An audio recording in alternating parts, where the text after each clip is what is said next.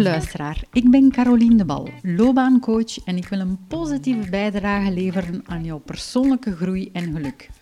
In deze podcastreeks laat ik 10 gasten aan het woord. Elke week komt iemand zijn verhaal vertellen over vastzitten in een job of over een burn-out. Het zijn gesprekken over keuzes maken en over trouw zijn aan jezelf. Het gaat over vallen en opstaan en telkens één keer meer opstaan dan vallen.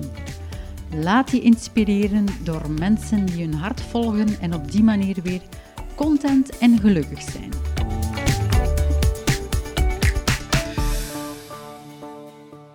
Dag Elise, ik ben heel blij dat ik je terugzie. Hallo, ik ben ook heel blij om hier terug te zijn eigenlijk. Ja. Hoe gaat het met je? Uh, goed, goed. Veel beter dan uh, drie jaar geleden toen ik naar u kwam. Um, ja, ik ben eigenlijk uh, heel blij. Ik zit goed in mijn vel en in mijn job, dus ik ben, ben heel blij. En vertel eens iets meer over je job. Wat doe je nu precies? Um, dus ik ben in november 2020 mijn eigen bedrijf gestart. Wauw. Ja, uh, Grey Mouse Agency heet het. Je kunt mij volgen hè, op Instagram, Facebook. en um, ja, het is eigenlijk een bedrijf in social media marketing. Mm -hmm. Dus ik help bedrijven om zichzelf beter te profileren op social media. En ik werk eigenlijk samen met hen dan om een sociale media strategie te gaan uitwerken. Um, om dan eigenlijk de klanten te bereiken die ze willen en, en, en zo ja, uiteindelijk meer inkomsten of meer klanten te kunnen genereren. En dat is uh, heel leuk en een, een, toffe nieuwe uitdaging. Dus uh, het, is, het is spannend natuurlijk. Het is ook een beetje ondernemen en met vallen en opstaan. Maar uh, het gaat tot nu toe echt wel goed. Dus, ja. ja en je zegt oktober 2010, 2020. 20, ja. Dus het is op zich niet zo lang. Nee. Um, en wat deed je ervoor? Um, ervoor werkte ik eigenlijk ook al in dezelfde sector. Dan werkte ik uh, ook in een, in een marketingbureau. Uh, eerst een jaar in Brussel en dan heb ik een jaar in Londen gewerkt ook. Uh, ook in social media marketing. Um, en ja, ik was dus, omdat mijn vriend al een paar jaar in Londen woonde, met hem mee naar daar verhuisd. Maar dat was natuurlijk net het coronajaar. Um, en dan, ja, ik ben in januari verhuisd en in maart was het dan corona. Dus dan ja, ben ik eigenlijk voor een paar maanden terug naar België gegaan. En dan ook gewoon sinds maart ben ik eigenlijk nooit meer op een kantoor geweest. Dus uh, ook 100% thuiswerken. En um, ja, dan in, in november ineens de stap gezet van... Als ik dat kan binnen een bedrijf, waarom kan ik dat dan niet op, op mezelf? En uh, ik wou eigenlijk al, altijd... Ik had dat altijd al in mijn hoofd van ooit wil ik zelfstandig worden. En ik dacht, ja, waarom niet? Want je bent nog heel jong, hè, Elise? De mensen zien dat natuurlijk nee, niet. Ja, ik ben uh, 27 nu. 27 en al ja. onderneemster. Ja. Amai. Ja, ja uh, kleine onderneemster nog, hè, maar... Ja. Maar toch? Ja, ja. Ja, mooi. En Dank vertel eens hoe dat, dat allemaal gebeurd is. Want ik kan me voorstellen, je bent afgestudeerd en dan? Uh, ik ben afgestudeerd op mijn 21. Ik had TW gedaan. Um, maar ik wist eigenlijk helemaal niet wat ik wou doen. Ik vond TW eigenlijk ook niet super interessant. De studies gingen wel goed en dus ja, ik had het afgemaakt. Um, maar dan ineens ja, zit je afgestudeerd en dan staat je daar met je diploma. en ik wist totaal niet welke richting dat ik uit wou. Um, en ik had dan ook besloten om nog een jaar te gaan bijstuderen, want ik was ook altijd uh, heel gepassioneerd door mode. En ik dacht, oh, dat gaat tof zijn. Ik ging een jaar fashion management uh, gaan studeren in Parijs. En ja, dat klinkt allemaal fantastisch. Uh, ik dacht, oh, ik nog modeontwerpster of weet ik veel. Um, en dus ik ben dan een jaar na mijn studies naar Parijs gegaan om daar een master in fashion management te gaan doen. En dan binnen die studie moest er ook een stage gebeuren. En dan had ik een stage gedaan in Antwerpen bij een uh, modebedrijf. En dat was eigenlijk nogal hard tegengevallen. Dus dat was zo het, het ideaalbeeld dat ik had over die sector en over werken in de mode, was een beetje, alleen mijn bubbel was wat doorprikt door daar stage te doen. Um, omdat dat eigenlijk helemaal niet, ja, niet strookte met wat ik dacht dat de job ging inhouden. Um, dat was een marketingstage. En ja, ik zat daar op een bureautje heel dag achter mijn computer. Ik dacht dat ik wat creatief ging bezig kunnen zijn, maar dat, dat was eigenlijk helemaal niet. Um, ja, en dat was zo even met de neus op de feiten gedrukt van kijk, ja, dit is nu de realiteit en de werkwereld. En een beetje van verschoten van, oei, is dit het nu? Maar, dat was ehm, nog maar een stage. Dat was nog maar een stage, hè? dus dat Ja. was eh, zes maanden. Ehm, dus ja, tijdens die stage natuurlijk was ik dan nog meer in de war van ja, wat wil ik nu doen? Want dit, dit lijkt dan toch ook niet te zijn. Ehm, en dan na die stage gesolliciteerd, ook wel voor een job nog altijd in de, in de modesector. Omdat ik dacht, ja, misschien kan ook aan die stage liggen of, of ah ja, de klik met het bedrijf of misschien een andere functie binnen de, binnen de, binnen de modesector. Ehm, en dan ben ik dus bij mijn eerste job terechtgekomen. Eh, ook een, een modebedrijf waar ik dan eh, werkte als ehm, product merchandiser. Dus ja, wat, hield dat dan in? Ehm, ik moest zien dat de juiste ehm, producten in de juiste winkels lagen. Hè, dat is de stok juist verdeeld werd over, over de winkels.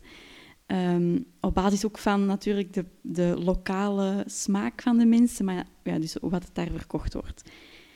En ik dacht, dat is ook nog wel leuk, ja, dan kan ik ook wel wat bezig zijn met eh, een beetje creatief, met zien welke stuks dat waar het beste verkocht worden. Maar in realiteit was dat ook vooral Excelletjes draaien, ehm, niet echt heel creatief bezig zijn. En ook, het, ja, het klikte ook niet echt met mijn manager. Ehm, dus dat viel dan ook weer tegen. En dat was eigenlijk weer zo'n tweede tegenslag in, ja, in die droomjob dat ik in mijn hoofd had. En in je jonge carrière. Ja, ook al. Ja. Ehm, ja, ook twee keer bij iemand terechtgekomen als manager waar dat ik niet echt mij 100% goed bij voelde. En dat, dat deed ook allee, heel veel eh, voor mij. En ehm, ja, ik werd daar op, op, op een bepaald moment echt heel ongelukkig. Van ja, dit is echt niet wat ik wil doen. Ik was echt de minuten ook aan het aftellen. Eh, echt letterlijk de minuten overdag van wanneer mag ik, kan ik hier naar huis. En ik dacht, ja, dat kan toch niet de bedoeling zijn, maar dat is ook je eerste job, dus je kunt ook niet vergelijken van, heeft iedereen dat? Is dat normaal? Ja. Ehm, en ja, thuis zagen ze dan natuurlijk ook van, ja, Elise is echt niet gelukkig. En mijn broer, die had ehm, bij jou ehm, ook, was hij ook loopbaanbegeleiding komen volgen. En die was daar vol lof, lof over. En die zei, ja, maar ja, als je niet weet wat je wilt doen, je moet toch eens een keer naar, naar haar gaan. Ehm, want die gaat u echt kunnen helpen en begrijpen. En ik denk, ja, maar ja, ik weet zelf niet wat ik wil. Pff, Dat gaat toch niet helpen, want ja, wat gaat zij dat weten als ik dat niet weet? Ehm, dus ja, maar dat gaat u helpen met te weten waar dat je naar op zoek bent. En dan ben ik, eh, ben ik bij u terechtgekomen eigenlijk. Hè? ja. Ja. En als je nu terugkijkt naar die tijd, wat is er dan voor jou duidelijk geworden? Ehm, ja, het is duidelijk geworden, ook door naar u te komen, wat dat er eigenlijk allemaal in die job zat, dat niet strookt met mijn waarden of met, wat ja, ik eigenlijk graag doe. En ik, op, op het einde van onze sessie hadden we dan zo'n mooi papier met dan eh, een overzicht van, kijk, dat zijn nu kernwaarden, stond daar ook op. En ik ging alle waarden af en geen enkele van die waarden vond ik terug in die job. En dan dacht ik, ja, dan is het wel duidelijk dat dit niks, allee, niks voor mij is. En ehm, dan moet ik er iets aan doen. En dan heb ik ook de beslissing genomen om echt mijn ontslag in te dienen, ook al had ik geen andere job. En dat ik nooit gedurfd als ik niet bij u was terechtgekomen. Want ik weet nog in de, ik denk zelfs de eerste sessie dat ik hier binnenkwam, echt de moed was zat in mijn schoenen. En eh, je zei, ja, maar Elise, waarom gaat je daar niet gewoon weg? En op dat moment had ik ook zo geen antwoord daarop. Van, ja, wa- waarom ga ik daar eigenlijk niet weg? Want je bent bang om weg te gaan. En ik ja, dan heb ik geen job en, en wat dan? En, en, en ja, ik weet nog niet wat ik wil doen. En dan gaan de mensen dan allemaal niet zeggen. En dan, ik ga daar dan zo snel weg. Maar er is niks zo erg dan daar gewoon dagenlang ongelukkig te zitten. En allee, het kan alleen maar beter gaan. En nu, achteraf bekeken, was dat de beste beslissing om toen te zeggen... Ik stop ermee, want dit is niks voor mij. En als je nog even teruggaat naar die tijd dat je dan beslist hebt van ik ga hier weg, weet je nog hoe dat je toen je voelde? Ja, ja echt niet. Ja, toen ik het had gezegd, Ja. ehm, heel opgelucht. Ja, heel opgelucht.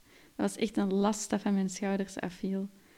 Dat, allee, op die moment zelf we voelden dat heel goed. Maar achteraf was er natuurlijk ook weer even een periode dat ik dacht, ja, En wat nu? en nu? Ja. Want dat is allemaal goed en wel, om hier zo te zeggen van, eh, ik ben hier weg. Ehm, dus ja, dat was ook nog wel even een moeilijke periode, want ik moest ook wel even bekomen van die ervaring. Ja. Ehm, en van, ja, en wat nu, hè?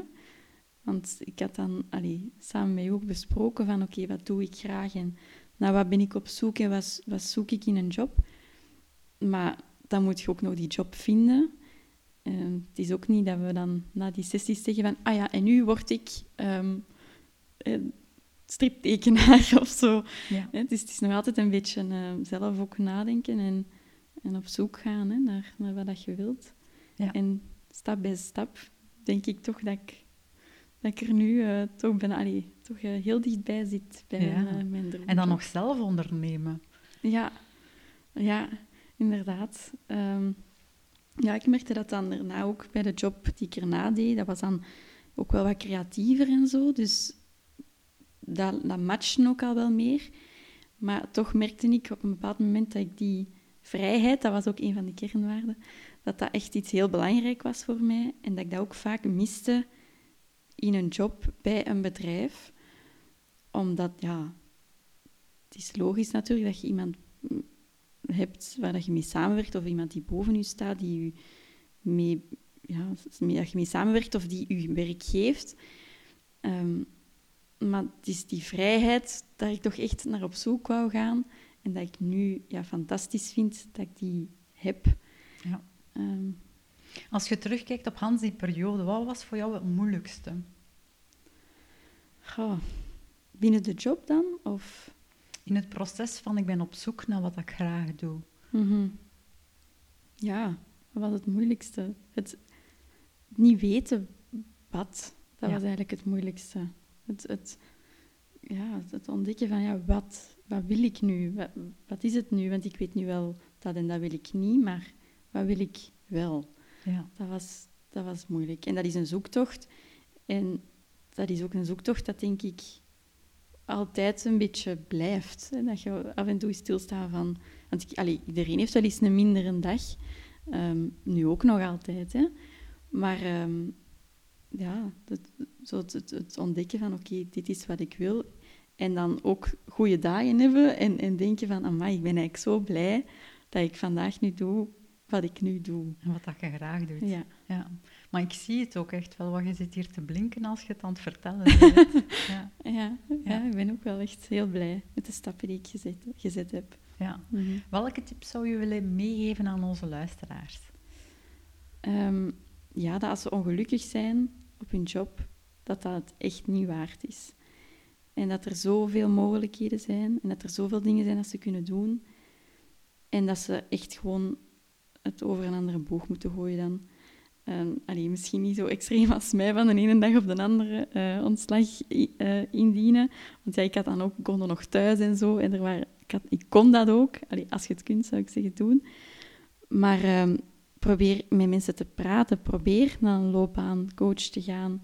En, en om te ontdekken van, waar word ik wel gelukkig van? Want het is echt niet waard om ergens ongelukkig op een job Op het Ja, document waarvan dat je daarnet even sprak, hè, stond er ook op mijn eigen bedrijf opstarten. Inderdaad. Ja. Ja. ik vond het heel confronterend om dat terug te zien. Alleen maar in de goede zinnen. Dat lag daar hier zo op, eh, op de tafel. En ehm, ja, daar stond inderdaad echt bij zelfstandige en zo nog een paar dingen dat ik dacht... Amai, dat is echt wat ik nu aan doen ben. Ja. Ehm, en dat had ik drie jaar geleden nooit durven dromen toen ik hier als hoopje miserie Ja. aankwam. Ja. En waar droom je nu nog van? Oh, waar droom ik nog van? Ehm, ja, ik droom ervan dat, dat het succesvol blijft ook. En dat ik ehm, ook nog zal kunnen groeien met mijn bedrijf. En eigenlijk gewoon dat, dat ik altijd gelukkig blijf in wat ik doe. Ja. Dat is eigenlijk de grootste droom. Mhm. Mhm. Dat er niet nog eens een moment komt dat ik denk, oh nee. Maar dan weet je natuurlijk wel Ja. van... Als je naar beneden gaat, ga je sowieso ook terug Ja. naar boven. Hè. Ja, ja, Ja. zeker. Hoe ziet jouw ideale klant eruit? Want er zijn misschien wel bedrijven die nu meeluisteren. en die interesse kunnen hebben in jouw diensten? Um, mijn ideale klant, ja, ik heb eigenlijk heel diverse klanten, ook in diverse sectoren. En dat maakt het ook wel juist leuk. Want ik vind het ook heel leuk, met wat, wat ik nu doe, um, die connectie met mensen maken. Je werkt echt met een, heel dichtbij hè, een klant. En je, je gaat helemaal op in, in hun verhaal en hun bedrijf en die passie die die mensen uitstralen. Dat is ook altijd gewoon heel leuk om te zien. En je wilt die mensen ook echt helpen en je wilt ook dat zij het goed doen. En als zij daar dan blij mee zijn, ja, dat geeft heel veel voldoening, omdat je ook wel echt een persoonlijke band met hen opbouwt. Um, dus ja, ik heb niet echt zo'n ideale klant in mijn hoofd, maar gewoon mensen die, die ja, een eigen zaak hebben en, en het goed willen doen. En die willen gevonden worden op social media. Ja. ja. ja. Is er een bepaalde wijsheid dat je wilt delen met onze luisteraars? Ja, dus um, mijn oma zei vroeger altijd, en dat is ook zo een wijsheid dat mij toen in die periode bijgebleven is. En waarom dat ik ook bedacht heb van, ik moet gewoon mijn ontslag indienen, ik moet iets anders gaan zoeken. Um, ze zei altijd, men lijdt het meest van het lijden dat men vreest, maar dat nooit komt opdagen. Mm. En ik vond dat altijd heel mooi, omdat dat, dat is ook zo. Want ja, je denkt dan, oh, ik kan geen ontslag nemen, want... En ik mag niet iets anders gaan doen, want... En dan, oh, wie weet dat. Maar vaak heb je stress voor dingen die zelfs nooit gaan komen. En, en ja, je moet, je moet, als het nu niet goed gaat, dan moet je daar iets aan doen. Maar je moet niet direct beginnen panikeren over zaken die nog niet gebeurd zijn. En ehm, als dat op die moment je helpt van een andere richting uit te gaan, dan moet je dat gewoon doen. Ehm, dus dat, ja, dat is zo'n quote van, je moet soms een beetje leren relativeren. En het komt allemaal wel, wel goed. Dat is een hele mooie. Dankjewel om dat met ons te delen. Graag gedaan. En als laatste vraag, Elise, wat maakt jou content en gelukkig? Dat maakt mij content en gelukkig. Ja. Ehm, ik ben heel content dat ik naar u ben gekomen toen ik het moeilijk had.